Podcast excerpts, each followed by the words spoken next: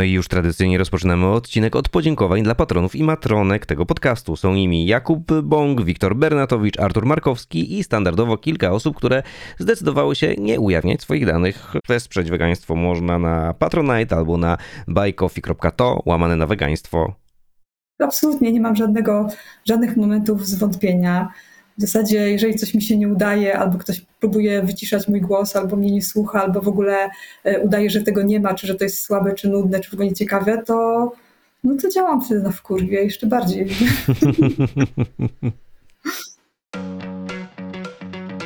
Oto podcast Wegaństwo. Ja nazywam się Adrian Sosnowski i rozmawiam o weganizmie. Jeśli ciekawicie, z czym to się je i nie tylko je, zapraszam do wysłuchania 99 odcinka pod tytułem Sztuka, zwierzęta i zabawa w przemoc. Wracamy do tematu sztuki oscylującej wokół tematyki prozwierzęcej, choć w tym wypadku, patrząc szerzej na twórczość mojej gościni, powinniśmy raczej mówić o sztuce występującej w kontrze do antropocenu, a w nim do usprawiedliwiania wyzysku, któremu poddawane są zwierzęta. Przed nami doktora sztuki pracująca na Wydziale Malarstwa ASP w Warszawie, artystka i weganka, której twórczość daje impuls do zastanowienia się nad podwalinami naszych relacji ze zwierzętami. Przed wami Elwira Stetner. Elwiro, witam cię serdecznie w społeczeństwie. Ja też witam Ciebie, Adrianie, witam też wszystkich słuchających. Bardzo się cieszę i dziękuję za zaproszenie. No, ja też się bardzo cieszę, bo jak przeglądałem sobie Twoje prace i to już też jakiś czas temu, to, no, chodziło mi cały czas po głowie, żeby e, Ciebie tutaj zaprosić i cieszę się, że wreszcie mamy okazję o tym wszystkim e, porozmawiać. Ale zanim jeszcze zaczniemy właściwą część rozmowy, to w bio na Twojej stronie możemy wyczytać, że promujesz ideę siostrzeństwa ponad podziałami gatunkowymi. I zapytam się, no bo w sumie czemu nie? No jestem tutaj po to, żeby się pytać, dlaczego mówisz o siostrzeństwie, a nie o braterstwie albo po prostu o relacjach? Mówiąc o siostrzeństwie, y, trochę nawiązuje do takiego sposobu y, myślenia feministycznego.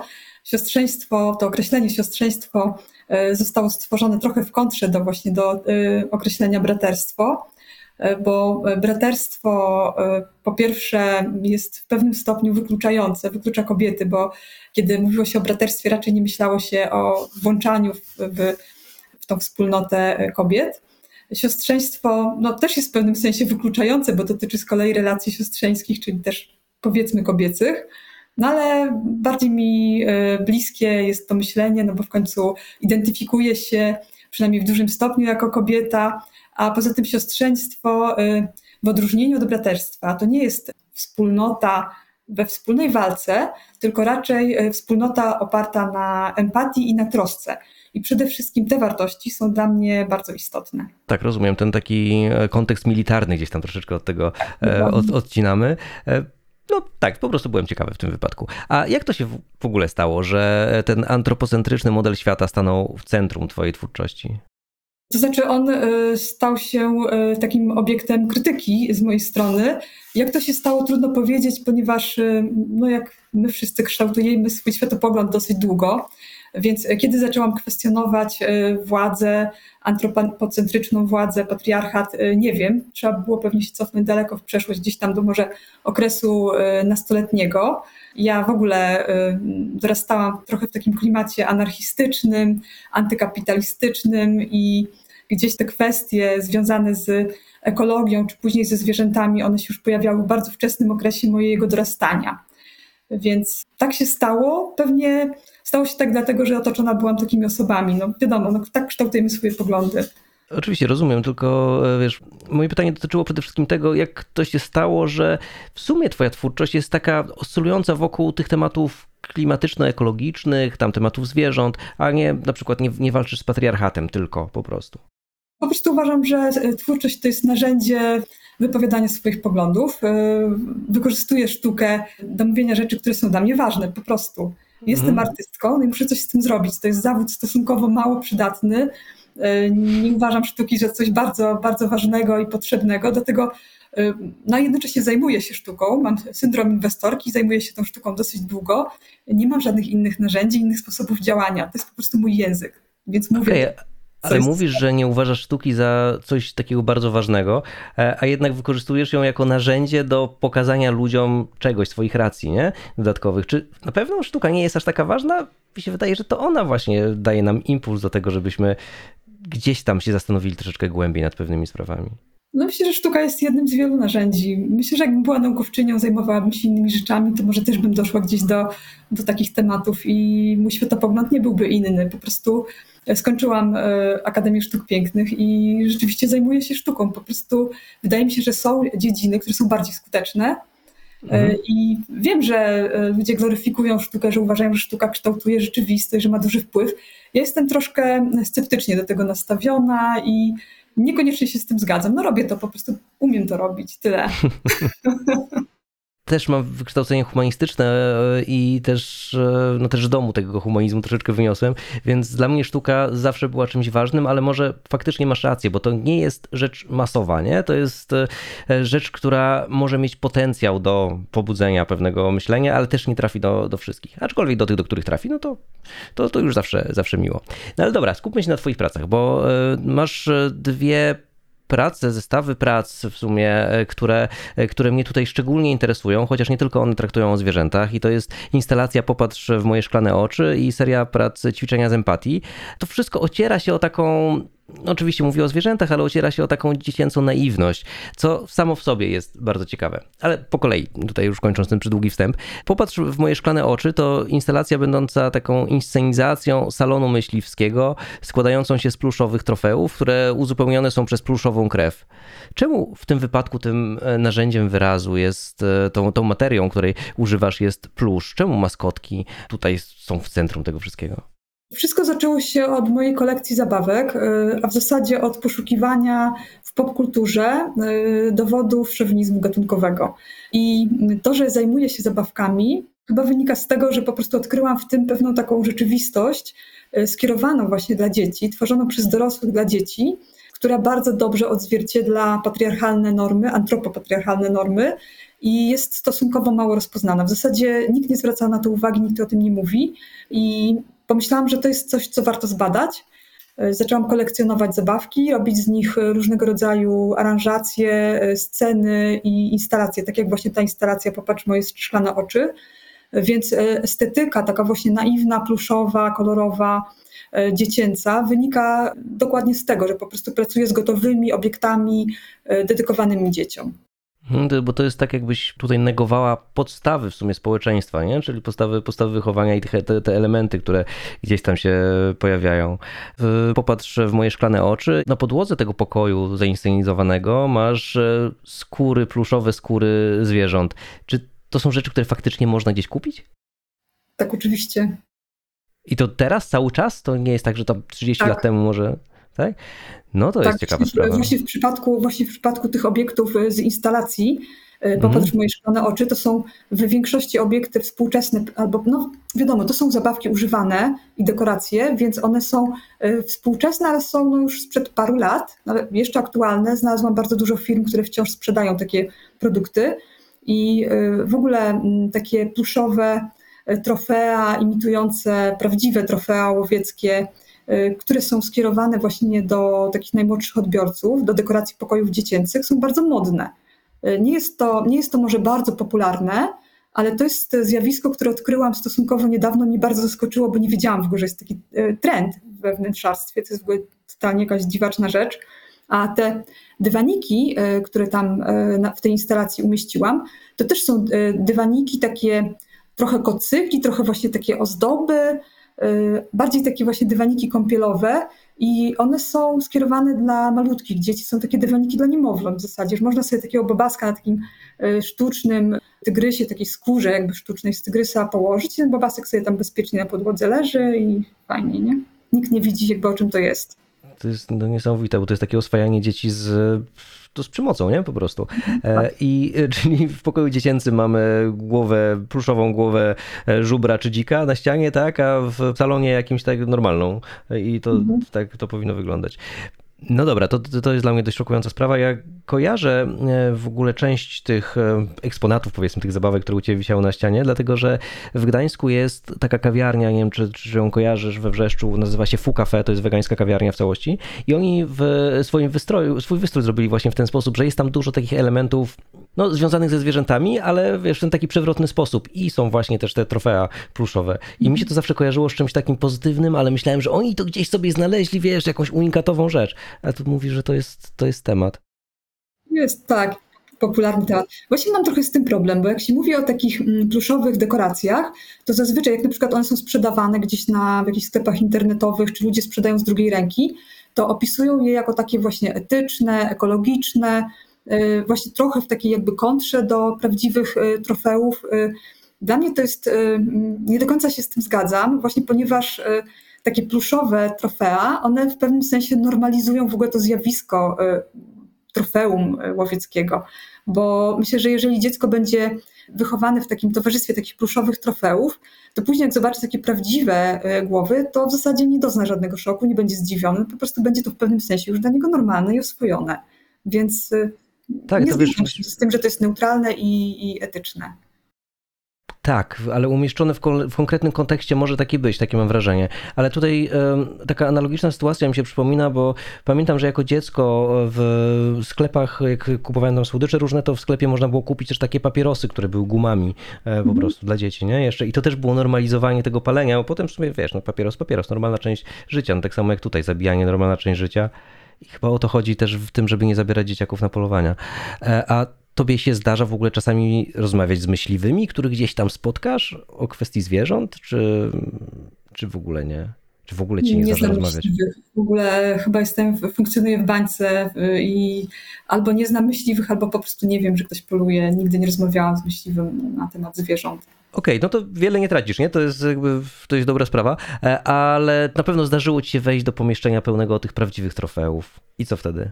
No, no właśnie, no chyba właśnie z takich uczuć, e, jakie się budzą, kiedy widzę prawdziwe trofea, powstała ta instalacja. No po prostu no jakby zdaję sobie sprawę z tego, co to jest. No, trudno mi teraz sobie wyobrazić, co czuję, czy co widzę, czy co mogłabym robić. E, no nieraz mhm. przecież wchodzimy do muzeów i, i widzimy w muzeach jakichś takich przyrodniczych, y, y, widzimy te wypchane zwierzęta, które mają takie funkcje edukacyjne i no jednak są to po prostu zwłoki zwierząt. Ja na to patrzę jak na zwłoki. Z drugiej strony, bardziej w mojej bańce takiej artystycznej, wchodzimy do galerii sztuki współczesnej. Mamy dokładnie to samo, z tym, że e, trofea już, e, czy takie właśnie zwierzęta e, spreparowane metodą taksydermii, nie służą jako eksponaty przyrodnicze, tylko po prostu są materiałem do produkcji dzieł sztuki. To jest też to samo. No, zawsze czuję niesmak i czuję jakiś bunt, niezgodę, jeśli widzę po prostu instrumentalnie wykorzystane ciało zwierząt.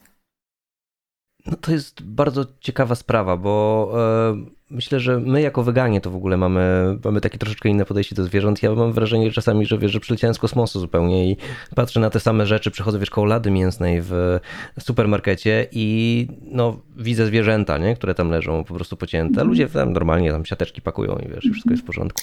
Teraz, teraz sobie pomyślałam jeszcze o kolejnej kwestii, bo ja mam takie wspomnienie z dzieciństwa. Ja się wychowałam w takim dosyć zwyczajnym domu, ale mm, pamiętam, że mieliśmy taki bardzo dziwny, y, dziwnie urządzony przedpokój.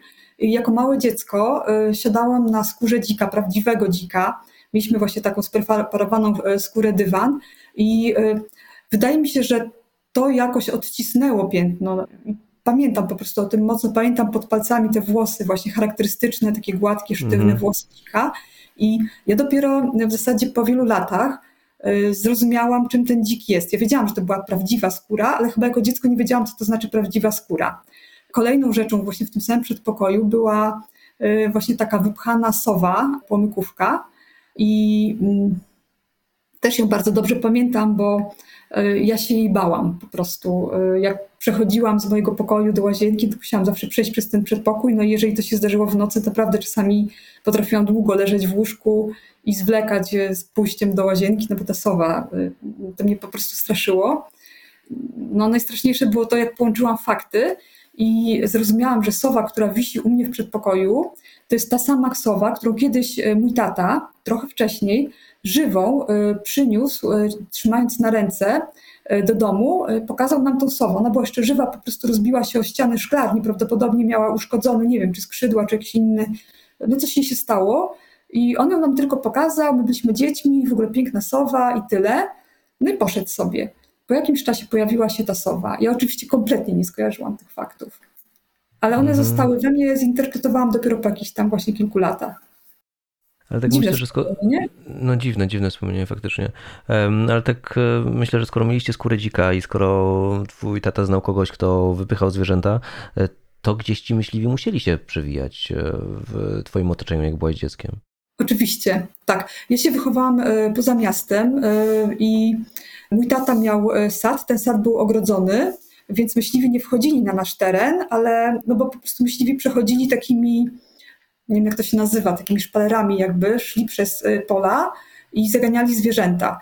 Y, no i oni czasami wchodzili na nasz teren, ale pytali się po prostu o zgodę. I tata chyba się nie zgadzał na to. My bardzo nie lubiliśmy tych myśliwych, bo mieliśmy też inne zwierzęta, mieliśmy koty, mieliśmy psy i oni do nas czasami przychodzili i mówili, żebyśmy zamknęli zwierzęta, bo jeżeli tego nie zrobimy, to one zginą. Także ja wiedziałam, że myśliwi to jest zagrożenie i ogólnie mimo tego właśnie, że mieliśmy te, te spreparowane zwłoki, u nas w domu był taki klimat, że myśliwych się nie lubiło. To jest taki dziwny taki dysonans. Mhm, no to jest bardzo dziwna sprawa. E, no, ja, też, ja też pamiętam sceny, kiedy wchodziłem jako dziecko do pokoju pełnego właśnie trofeów z kurdzika, bo u mnie w rodzinie jest no. sporo myśliwych. No i zawsze to było jakieś takie grobowe doświadczenie, nie? E, ale no dopiero później sobie uświadomiłem tak naprawdę, z czym to wszystko się wiąże. No ale dobra, nie o tym, nie o wspomnieniach z samego dzieciństwa, bo ty dodałaś do tych zabawek jeszcze pluszową krew, żeby dodatkowo jakby unaocznić to, co się tam wydarzyło. Jak, z jakim odzewem to się, to się spotkało? W ogóle ta instalacja, ona najpierw funkcjonowała w takiej formie właśnie bez tej pluszowej krwi, czyli zestawiłam tylko elementy. E, pierwszą e, ingerencją było połączenie tych elementów, czyli pluszowych głów i tych skór. Dodałam najpierw konie na biegunach, jako też takie właśnie e, formy eksploatacji zwierząt. Zresztą koniki na biegunach pierwotnie kiedyś były mm, robione z prawdziwej skóry zwierzęcej. No, to tak na marginesie. Mhm. Dodałam do tego strzelby, a później Później był open call na Biennale Tkaniny Artystycznej w Poznaniu. Temat Biennale to było raz, dwa, trzy znikasz ty. Stwierdziłam, że to jest świetny temat, że w ogóle trzeba coś na temat zwierząt powiedzieć, bo zwierzęta są wykluczane w ogóle, jeśli chodzi o w ogóle jakieś takie krytyczne myślenie o wykluczeniu, o przemocy i tak dalej. Więc pomyślałam, że to jest ten moment, kiedy trzeba powiedzieć o zwierzętach. No i oczywiście miałam tą instalację Popatrz w moje szklane oczy jeszcze w tej pierwszej wersji i zaczęłam się zastanawiać, co zrobić, żeby to pasowało, żeby można było to pokazać na, mm, właśnie pierwszy raz w sumie o tym mówię, na wystawie tkaniny, mhm. gdzie w regulaminie e, było napisane, że ta praca musi być przynajmniej częściowo wykonana własnoręcznie.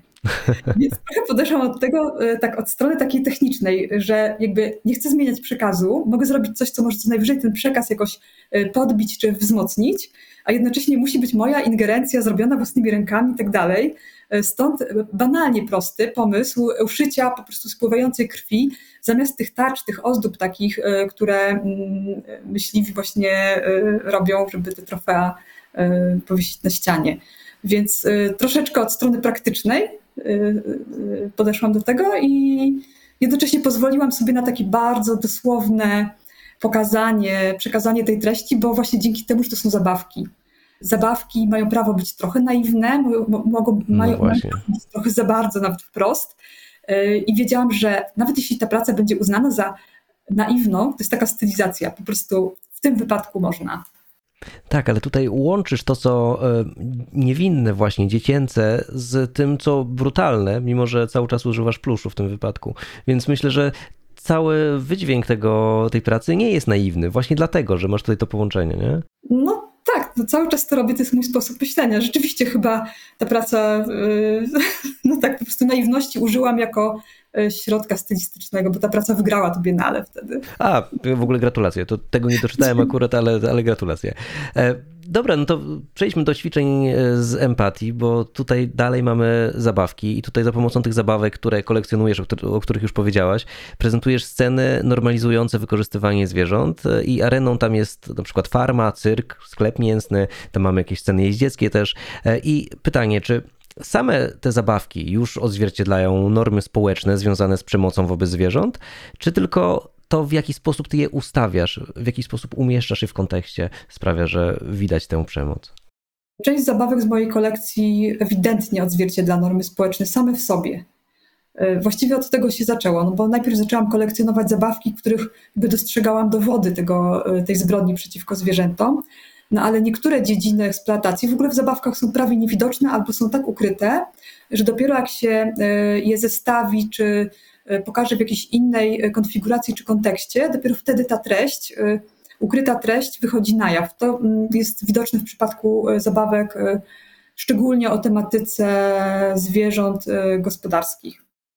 No tak, tak, bo tak właśnie myślę o tym, że e, jak oglądałem zdjęcia tych e, prac, to e, no, były takie sceny, gdzie były krowy upchnięte w bardzo wąskich barierkach albo wpychane na pakę samochodu i podejrzewam, że tego typu zestawów nie ma raczej, albo może kiedyś były, ale ciężko jest bardzo na nie trafić. I takie nie. Akurat te, te zabawki takie, o których ty mówisz, to są dosyć współczesne rzeczy i z jednej strony one są bardzo realistyczne, to znaczy na przykład jedną z tych zabawek to jest właśnie taki realistyczny model samochodu e, do przewożenia zwierząt, z tym, że tam została e, przez producenta, jakby czy e, kogoś, kto projektował te zabawki, zastosowana taka metoda może przemilczenia czy manipulacji, bo y, ten samochód y, jest sprzedawany w komplecie z jedną krową. Y, czyli mhm. wystarczył jeden taki malutki zabieg, zastąpienie bardzo dużej ilości zwierząt, które są przewożone w stłoczeniu, jedną krową i mamy co? Mamy ogromną przyczepę, która jest bardzo komfortowa, wyposażona w poidła, w wygodną rampę, po której zwierzę może wejść do środka i przemoc znika. -hmm. Czyli ona, ona po prostu jest w pewnym sensie ukryta, ale z drugiej strony jakby no, jest prawie idealnym odzwierciedleniem tego przemocowego systemu, tylko pokazanego z takim właśnie takim małym elementem wyparcia.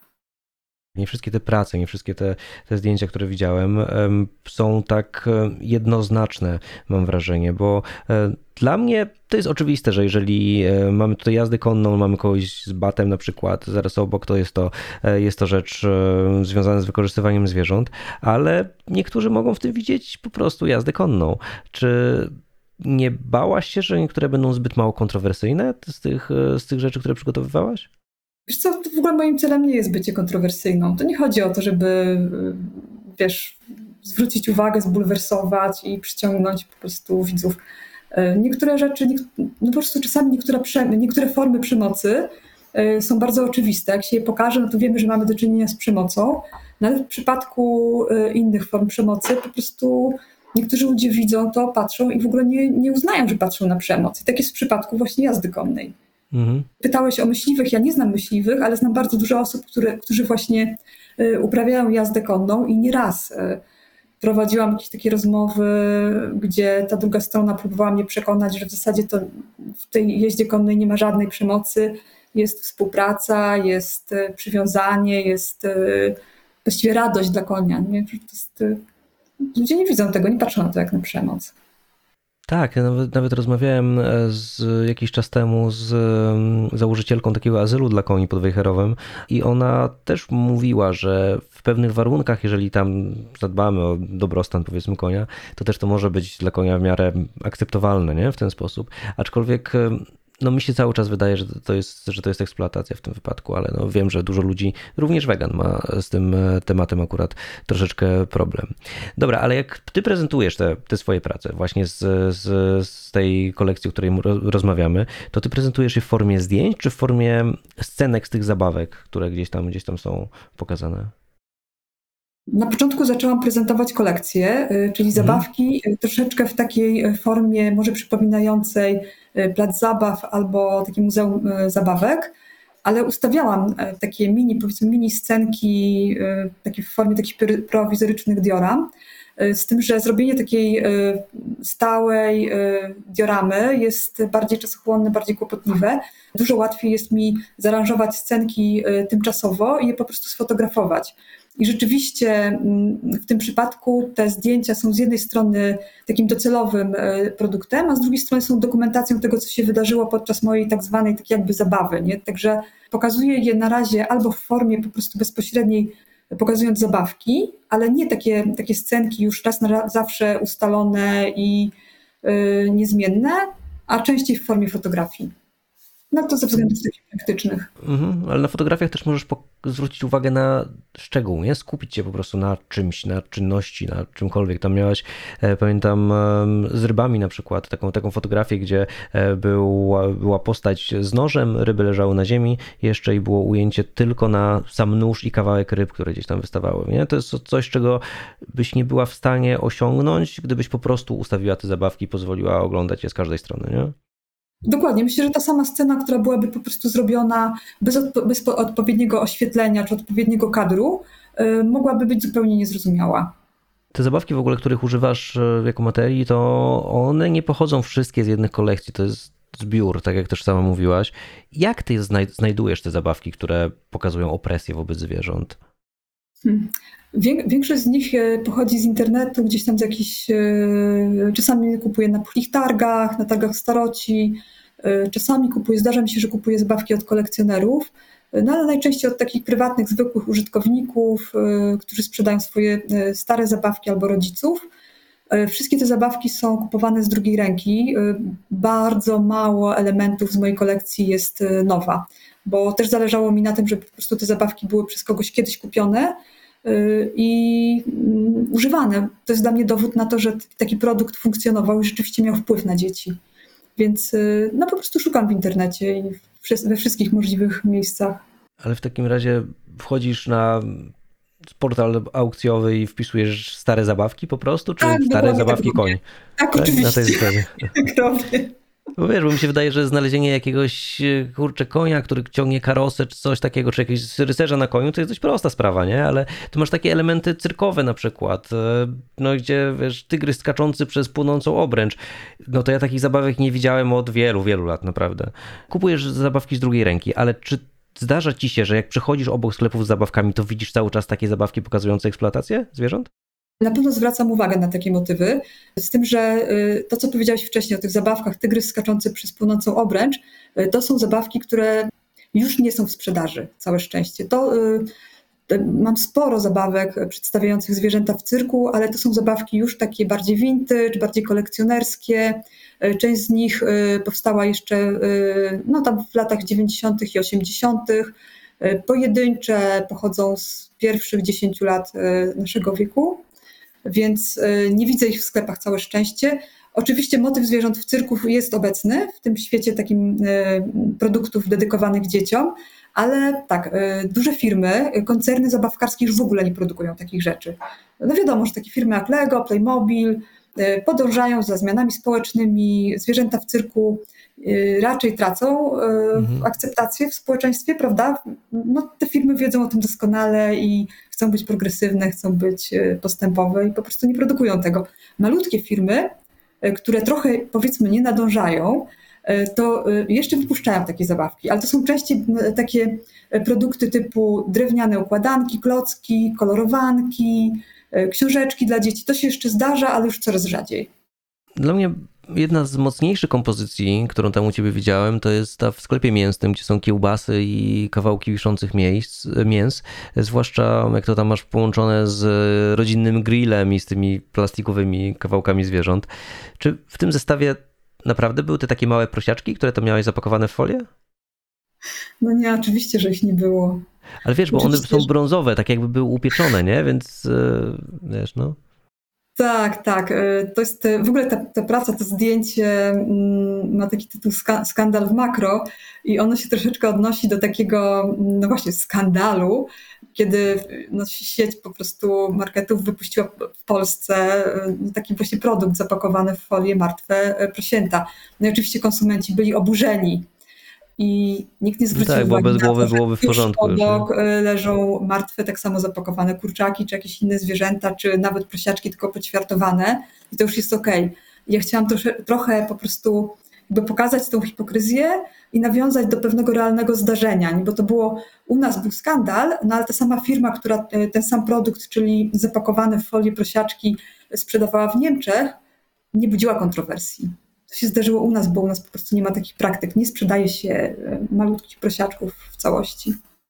A tam miałaś też taką pracę, gdzie była klatka z małymi tygrysami. To też było tak, że miałaś osobno klatkę, osobno małe tygrysy, czy faktycznie była tego typu Nie. zabawka? Y, To jest rzeczywiście prawdziwy zestaw. W ogóle nie wiem, czy on jest jeszcze w sprzedaży, ale dosyć niedawno był. Y, Ja go wprawdzie kupiłam z drugiej ręki, ale często to robię, że właśnie no, szukam po prostu w internecie y, odpowiedników, y, próbuję dowiedzieć się, jakie to są zestawy, bo czasami jak kupuję zabawkę, w ogóle nie wiem, co to jest. Rozpoznaję firmę na przykład po charakterystycznym designie, ale nie wiem, co to za seria, z jakiego to roku i tak dalej, no ale robię takie małe śledztwo i odnajduję to. I ta zabawka jest, nie wiem, czy jest jeszcze w sprzedaży, ale jeszcze niedawno była i to był cały zestaw. Ona się nazywała na polskim rynku, mm, była opisana w niedobrzy kłusownicy, coś takiego. No w każdym razie to był kłusownik z kładem. Nie? I rzeczywiście w Kłusownik z zestawie, kładem. w zestawie była klatka, były małe kocięta i kłusownik miał strzelbę. Także nic nie zrobiłam. To jest pełen zestaw. Okej, Nie to w, jak, w jaki sposób to miała być, nie wiem, edukacyjna zabawka dla dzieci? To, że taki kłusownik jest zły i ktoś musi wyzwalać te... Nie wiem, jaka, jaka może być intencja te, te produkowania tego typu zabawek? No właśnie, to jest, to jest dobre pytanie, bo y, ja się zastanawiam, jaka jest intencja y, produkowania takich zabawek, tak samo na takiej samej zasadzie, jaka jest intencja produ- produkowania pluszowych głów. Bo opis, y, taki komercyjny opis sprzedażowy i tych, i tych zabawek jest bardzo podobny. Czyli zabawka przedstawiająca właśnie tego złego kłusownika jest opisana w ten sposób, że dziecko może się bawić y, w na przykład odbieranie zwierząt z rąk niedobrego kłusownika. Więc y, oficjalnie intencja jest taka, jest krytyczna. Czy A naprawdę czy jest to to działa? przekaz? Czy ta zabawka naprawdę ma taką treść? Wątpię. No ja też wątpię. A jak e, kolekcjonujesz te zabawki, to z jakim przedstawieniem zwierząt e, się najczęściej spotykasz? Albo może inaczej, e, jakie przedstawienie zwierząt jest u ciebie najczęstsze w twojej kolekcji? No oczywiście konie, oczywiście y, y, y, jeźdźcy, księżniczki na koniach, karoce, koniki ciągnące wozy, Te, tego jest bardzo dużo. Koniki są i były popularne i są cały czas popularne, być może to jest w ogóle najbardziej popularny motyw w zabawkarstwie od wielu, wielu lat. No to jest też element tej popkultury dziecięcej bardzo, bardzo silny, właśnie wraz z księżniczkami i rycerzami, nie? E, Więc trudno jest e, gdzieś tam się, e, się tego pozbyć. A jak prezentowałaś te swoje prace, to zdarzyło ci się, że mm, rozmawiałaś z kimś, kto to obejrzał i komuś to, i czy tej osobie otworzyło to troszeczkę oczy? To znaczy, gdybym, gdybym nie wierzyła, że y, to, co robię, trochę może komuś otwierać oczy, może zwracać na coś uwagę, to bym tego w ogóle nie robiła. Myślę, że jakaś tam skuteczność jest. Oczywiście jest dużo mniejsza niż byśmy chcieli, w ogóle Mhm. skuteczność y, działania w tej tematyce, y, ale zdarzały mi się rozmowy. Nie wiem, na ile to realnie miało wpływ na przykład na zmiany no, w życiu takiej osoby, ale na pewno udawało mi się zwracać na coś uwagę i pokazywać tą normę. Wydaje mi się, że w ogóle demaskowanie y, normy społecznej związanej z przemocą wobec zwierząt jest bardzo ważnym elementem. Samo odkrycie tego, że, że to jest. A co dalej y, wyniknie z tego, jakie zmiany y, pojawią się w życiu takich osób, nie wiemy. No, nie, nie jesteśmy w stanie tego nawet sprawdzić czasami. No tak, ale to może być jeden z wielu elementów układanki, nie? które potem właśnie składają się na to, ta, te zmiany myślenia. Najpierw trzeba być świadomym, że coś takiego się e, po prostu, po prostu dzieje. Bo ja zadałem ci to pytanie przed chwilką, dlatego że zastanawiałem się, czy twoja twórczość wykracza poza tę wega- wegańską bańkę, o której też wspomniałaś wcześniej. E, Bo czasami mam wrażenie, że niektóre działania, które podejmujemy jako weganie, jako aktywiści, mimo że mają być skierowane bardzo szeroko, to ostatecznie trafiają tylko do ludzi, którzy są mocno zainteresowani i tak i tak i nie potrzebują już tego typu historii. Tak, to prawda, bo na przykład w środowisku artystycznym jest taka bardzo e, duża tendencja e, czy chęć właśnie wyjścia poza bańkę artystyczną, wychodzenie ze sztuką na ulicę, czy robienie sztuki takiej właśnie otwartej, zrozumiałej dla innych. To jest oczywiście dla mnie bardzo ważna idea, ale ja jako weganka, jako przedstawicielka mniejszości, robię coś w pewnym sensie odwrotnego, czyli wychodzę z bańki wegańskiej do środowiska artystycznego, w którym i tak jestem, więc mam e, w pewnym sensie do niego wstęp i możliwość działania. Oczywiście z takim przekazem, z taką treścią to działanie jest bardzo trudne, ale jest możliwe. Mhm, Więc moim wyjściem poza bańkę jest właśnie świat sztuki, świat galerii, świat takich typowych odbiorców właśnie sztuki. Ale wiesz, to tak gdybym miał generalizować trochę i tak e, mówić o tym, co, co sobie wyobrażam, to bym powiedział, że Środowisko artystyczne to jest środowisko, które z zasady powinno być trochę bardziej wrażliwe na różne rzeczy, więc ten przekaz nie powinien być dla nich taki trudny w odbiorze.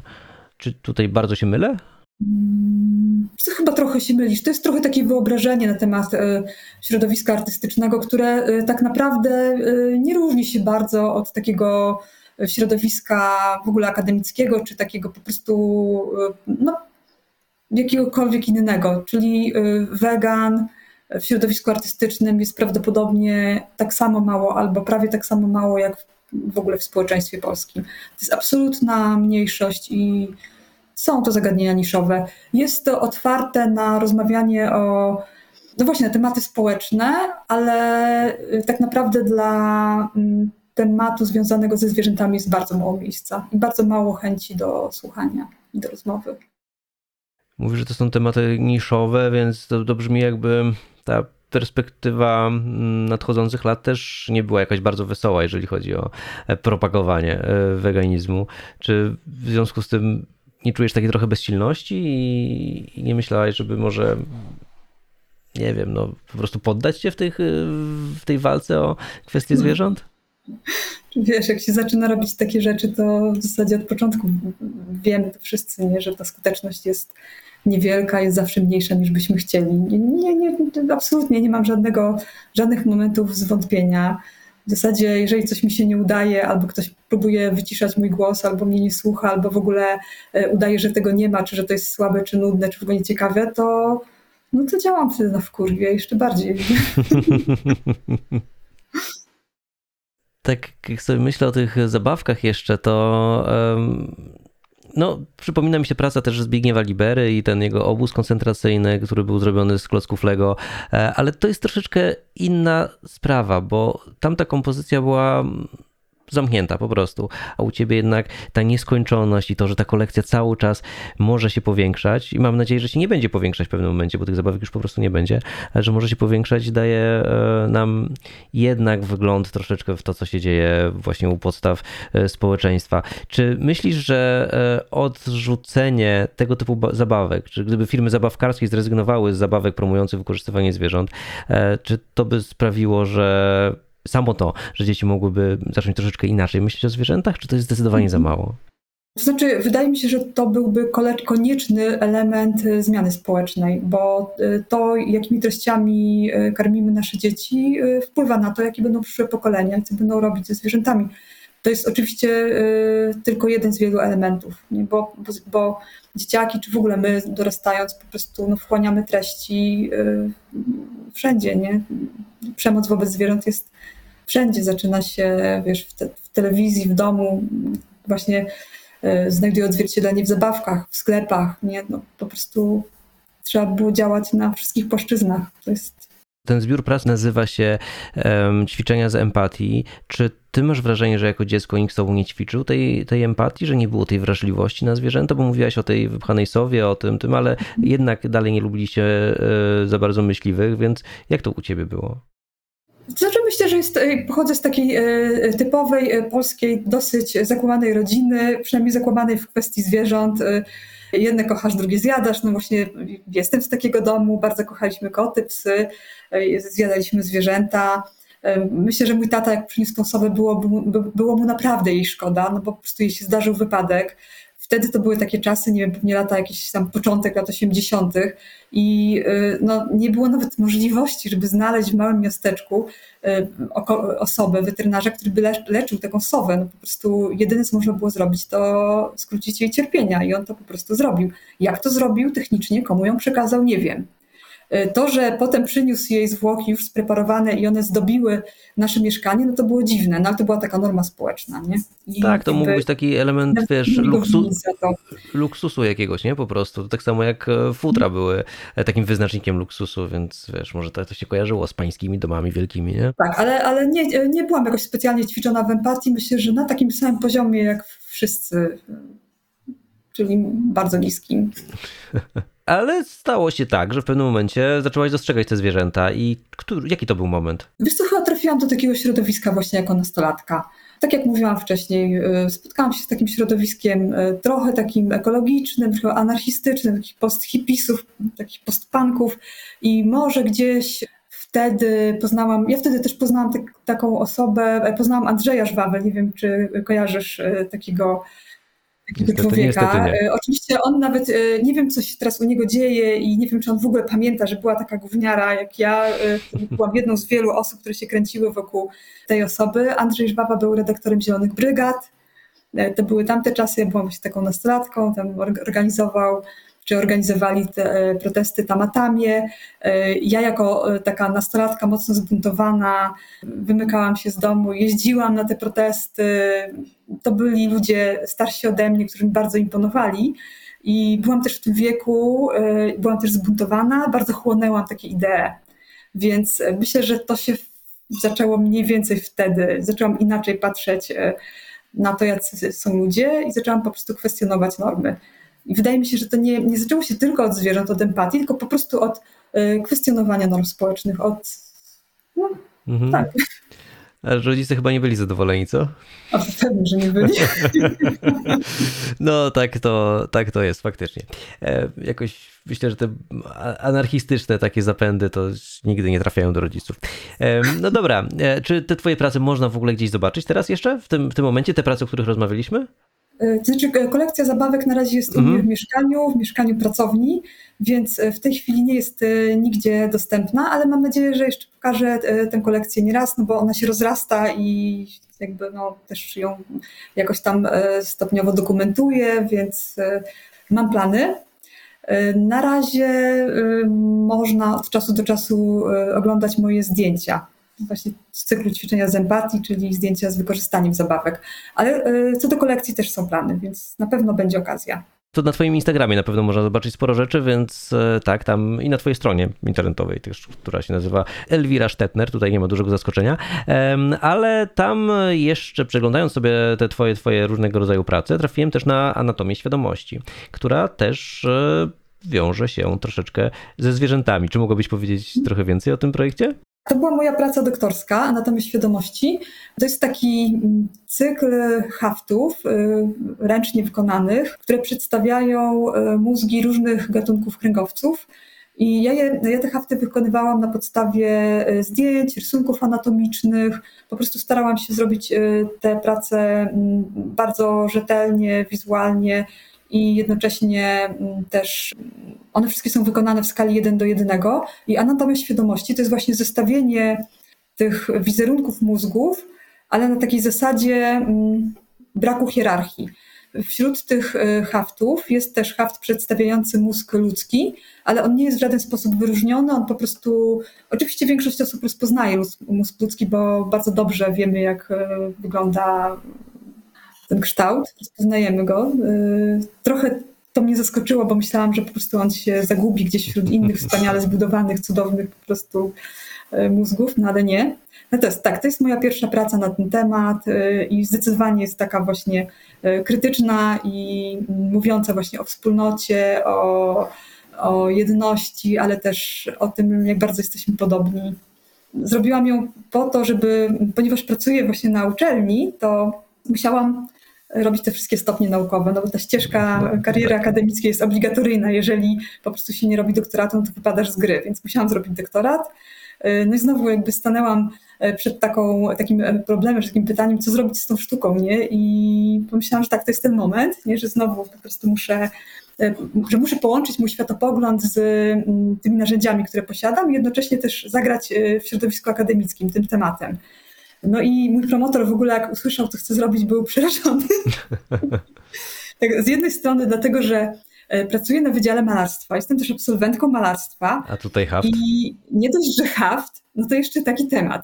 A na końcu, jak się okazało, a to już było przy wystawie mojej tej doktorskiej, że te hafty są małe, no bo w końcu no, to były hafty jeden do jednego. No, nawet mózgi dużych e, ssaków y, morskich nie są tak bardzo duże to promotor był też trochę zaniepokojony, no bo taka wystawa minimalistyczna, taki mały obiektyw w takiej dużej przestrzeni, no źle. Ale wszystko się udało, w ogóle to była pierwsza taka, e, taka e, właśnie no, trochę wykorzystałam tą sytuację, że mm, obrona doktoratu na Akademii wygląda tak, jest otwarte jak, no, w ogóle jak obrony e, doktoratów, więc przyszło trochę osób z zewnątrz, ale przede wszystkim była komisja, czyli szanowni profesorowie, przeważnie mężczyźni i oni musieli spędzić te dwie godziny rozmawiając o zwierzętach.